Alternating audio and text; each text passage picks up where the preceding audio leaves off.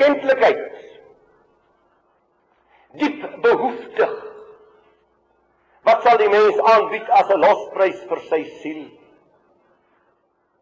En al vlug ek op na die doderyk, God sal my daar vind.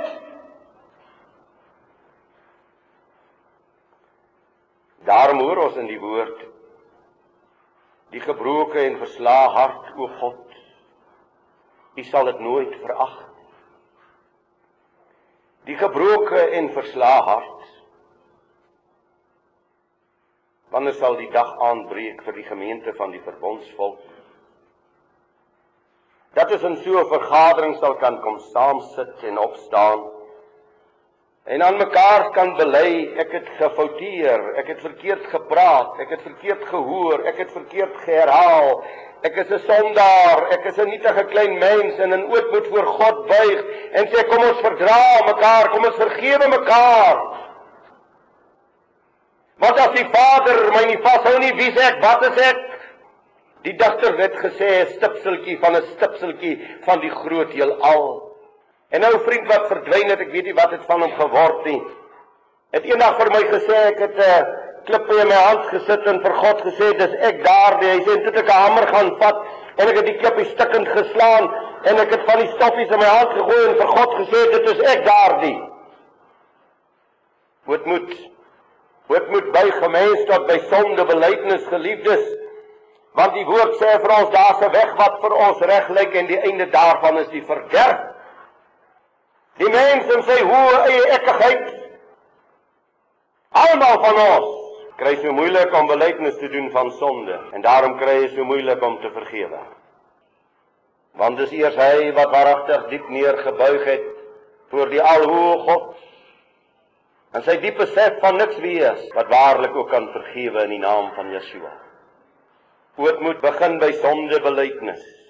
Ook dit wat ons soms dink wat reg is, wat verkeerd is in die Vader se oë, want ek lees in die Heilige Woord, daar is niemand regverdig nie. Selfs nie eene nie. En dis alleen die kosbare bloed van die lam wat my reinig van al my sonde, sodat ek hierdie vleesliggaam van die dood kan verlaat en in sy volmaakte heiligheid my kan bevind. Weet ek dink baie oor hierdie saak. Ek loop en dink baie oor die verlating van die ewige mens van hierdie dood liggaam en die ontmoeting met God. Ek bepeins dit baie, ek dink baie daaroor wat 'n geweldigheid dat ek uit hierdie sterflike vlees toestand van my sondige gedagtes en handelinge uitgeruk kan word so en dan staan ek eensklaps voor die volheid van die godheid. En in die lig wat niks verberg nie.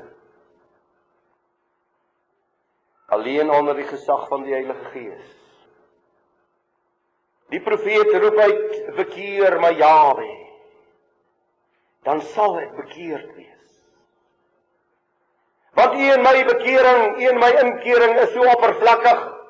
Dis wat wat ons baie keer waarneem, so wanneer daar werklik van bekering gepraat word, dan is dit die ingrype van die Gees van God wat my vlekkeloos voor die Almagtige wil stel en daarom wys hy my alles uit in my lewe, alles ja, alles. Geliefdes, ons praat dus van 'n onvoorwaardelike oorgawe en prysgawe.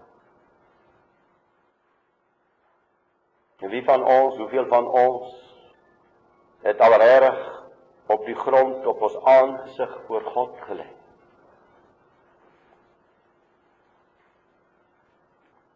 Werklik in ootmoed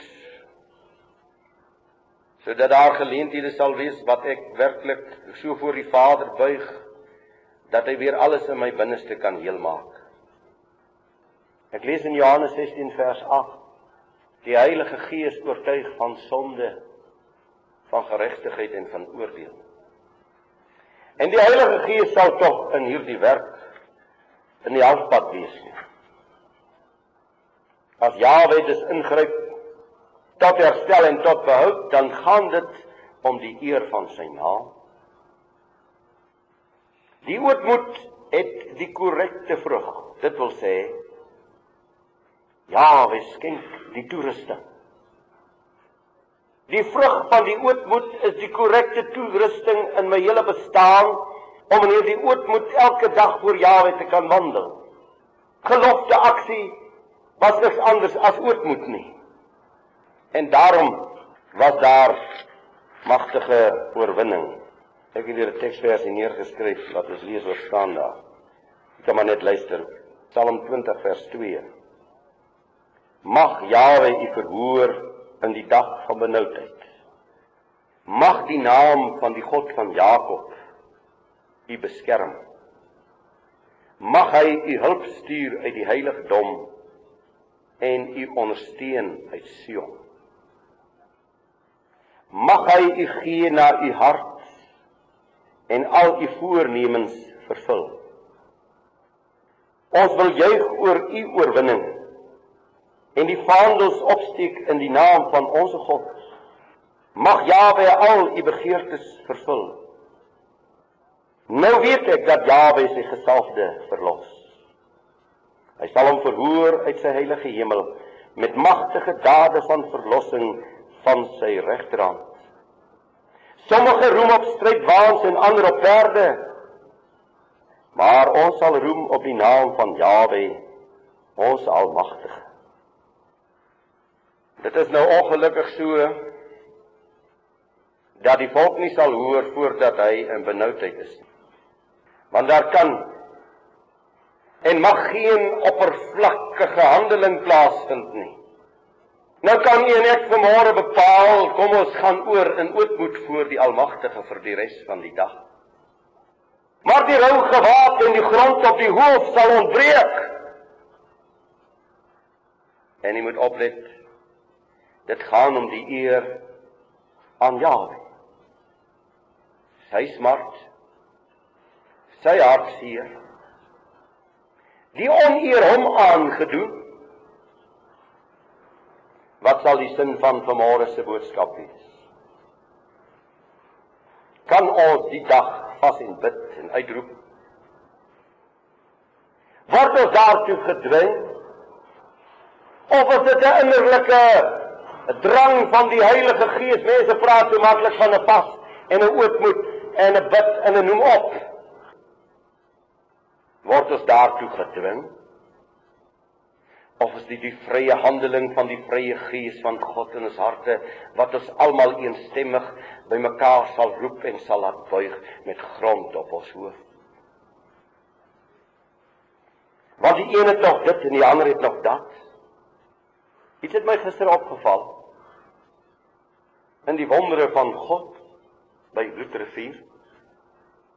Sommige mense beskou dat Pretoria 'n baie strategiese plek gekies het vir die geveg. Was dit so strategies? Hulle het self vasgeverf en ingeverf in 'n hoek. Jy moet die handelinge van God aanskou. Daar sou vir hulle op geen moment geleentheid wees om die hekke oop te maak, daar die 300 bees vooruit te jaag en met hulle per agterna te jaag en tog op paar moontlik uit te kom uit die situasie. Al hulle self gaan pas in hoek in die absolute magteloosheid. Dat net Jahwe kan uitred. Dis die beskikkinge van die Almagtige. Luterivier was geen strategiese plek om oorlog te voer. Want jy was vasgevang Jy moet die handelinge van Jahwe sien. Hierdie volk sal gedwing word deur die Almagtige tot in daardie hoek van absolute magteloosheid. En dan sal die vrye genade van God in die hart van sy kinders werk. Om in hierdie ootmoed te buig, gelofte te doen, volkome te onderwerp in absolute afhanklikheid sal in ons dag sal in hierdie tyd 'n paar na vore tree met die opdrag van die gees van God in die hart ons pleit voor u Jawe vir die geleentheid. Wat is die skrif se eis? Geliefdes, ons moet werklik tot begrip kom.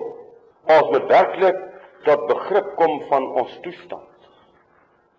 As die Heilige Gees vir ons nie bring tot hierdie volheid van begrip oor ons toestand in hierdie tyd nie. Hoe sal ons begin roep na hom om genade? Hoe sal ons begin roep sodat ons by die ootmoed kan uitkom?